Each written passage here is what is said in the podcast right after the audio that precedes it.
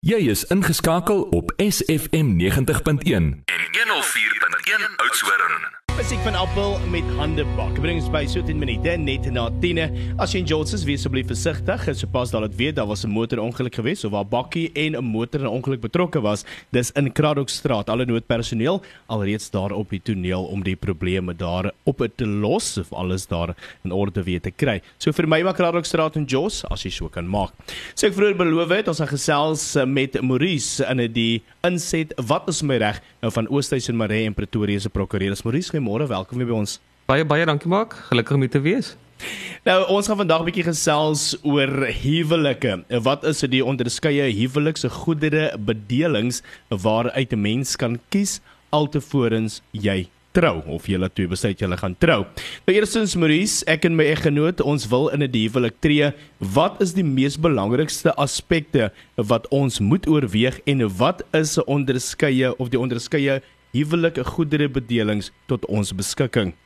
Ja, maar dit is belangrik om voordat jy trou die wetlike implikasies van die huweliksgoederebedeling te verstaan ter wille van die opstel van jou testament aangesien die bedeling wat ter sprake is die eienaarskap en beheer van die bates sal beïnvloed. Die belangrikste vorme van die huweliksgoederebedeling is die huwelik binne gemeenskap van goedere en die huwelik buite gemeenskap van goedere met die uitsluiting of insluiting van die avondwasbedeling onderskeidelik. En kan jy vir ons kortliks verduidelik wat elke bedeling behels? Wel, eerstens die huwelik binne van gemeenskap van goedere volgens Afrikaans Suid-Afrikaanse reg word 'n huwelik wat sonder 'n voorhuwelikse kontrak gesluit word geag binne gemeenskap van goedere te wees. Wanneer die partye binne gemeenskap van goedere trou, ontstaan 'n gemeenskaplike boedel met die twee partye as gesamentlike administrateurs van die gesamentlike boedel. Alle bates en skulde van beide partye het sy verkry voor tydens wat hulle tydens die huweliks huweliksluiting besit of daarna bekom word in gelyke onverdeelde dele gehou deur beide partye en beide partye is ook gesamentlik en afsonderlik aanspreeklik vir alle laste van enige van die partye tot die huwelik het sy aangegaan voor of na huweliksluiting. Die blootstelling van die gemeenskaplike broer aan alle skulde van beide partye voor en na huweliksluiting is 'n groot risiko veral in gevalle waar een van die partye sy of haar eie besigheid besit. Elke party tot die huwelik het reg om die boedelbates van die gemeenskaplike boedel te vervreem, alhoewel die toestemming van die ander party tot sodanige vervreemding altyd benodig sal word, soms skriftelik en soms mondelings.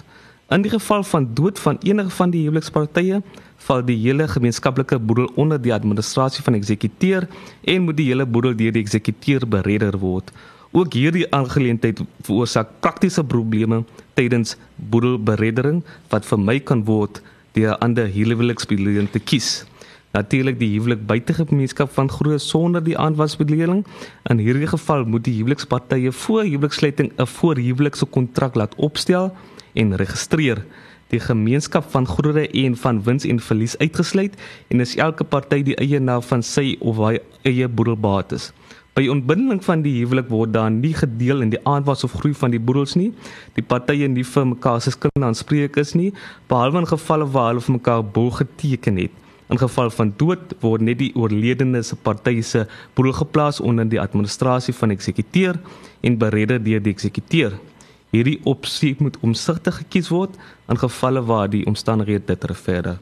Laastens natuurlik is dit die huwelik buite gemeenskap van grond met die aanwasbedeling ook in hierdie geval deur middel van 'n voorhuwelikse notariële huweliksvoorwaardeskontrak die gemeenskap van groene van wins en verlies uitgesluit.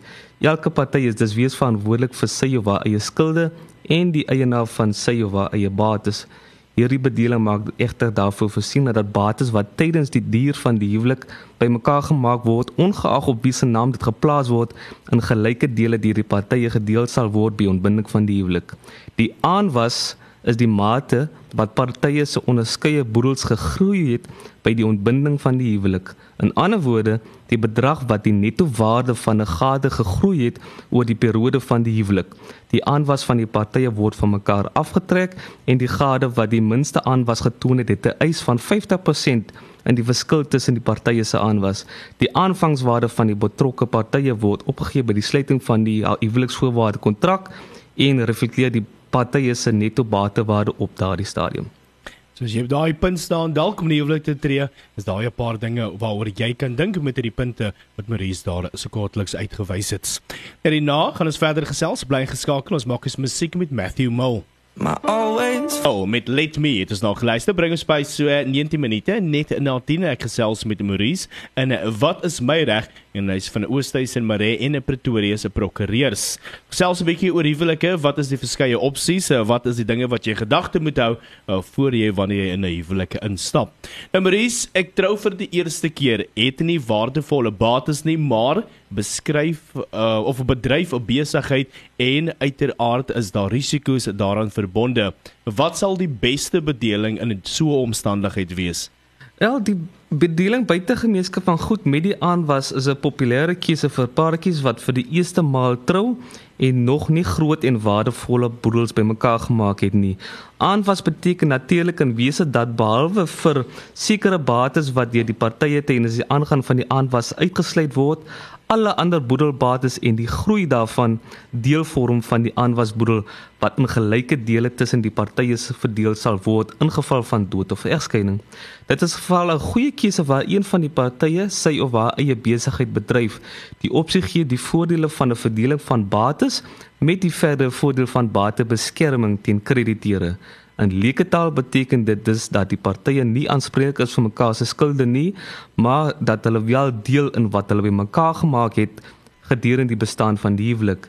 Die deling geskied net by die ontbinding van die huwelik wat plaasvind by die dood van een van die partye of egskeiding. Hierdie huweliksbedeling laat baie buigbare en kreatiewe boedelbeplanning toe.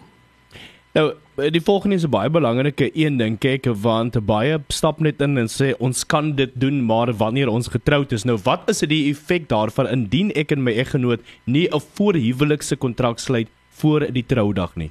Wel, die keuse van watter huweliksgroepbediening wat geneem word, moet uitgeoefen word voor huwelikssluiting. Sonder 'n huweliksvoorwaarde kontrak sal die troupaar binne gemeenskapsgoedere getroud wees en indien hulle dit dan met 'n tyd wil wysig, sal dit 'n hooggeregshof aansoek genoodsaak. So ja, onder 'n gedruk daar op jou plaas, se doen alles maar van die begin af reg. Maurice, as hulle enige meer navraag het rondom vandag se onderwerp of enigiets anders, hoe kan hulle met julle kontak maak by en Maree en Pretoria se prokureurs? Ja, ons deur is altyd oop en dit is meer gemaklik om ons te skakel by 044 601 6900. So maak gerus met hulle kontak daar en gesels daar met Maurice en die res van die spanne van Oosthuys en Maree en Pretoria se prokureurs. Baie baie dankie vir jou tyd en inligting en 'n mooi dag. Baie dankie maar.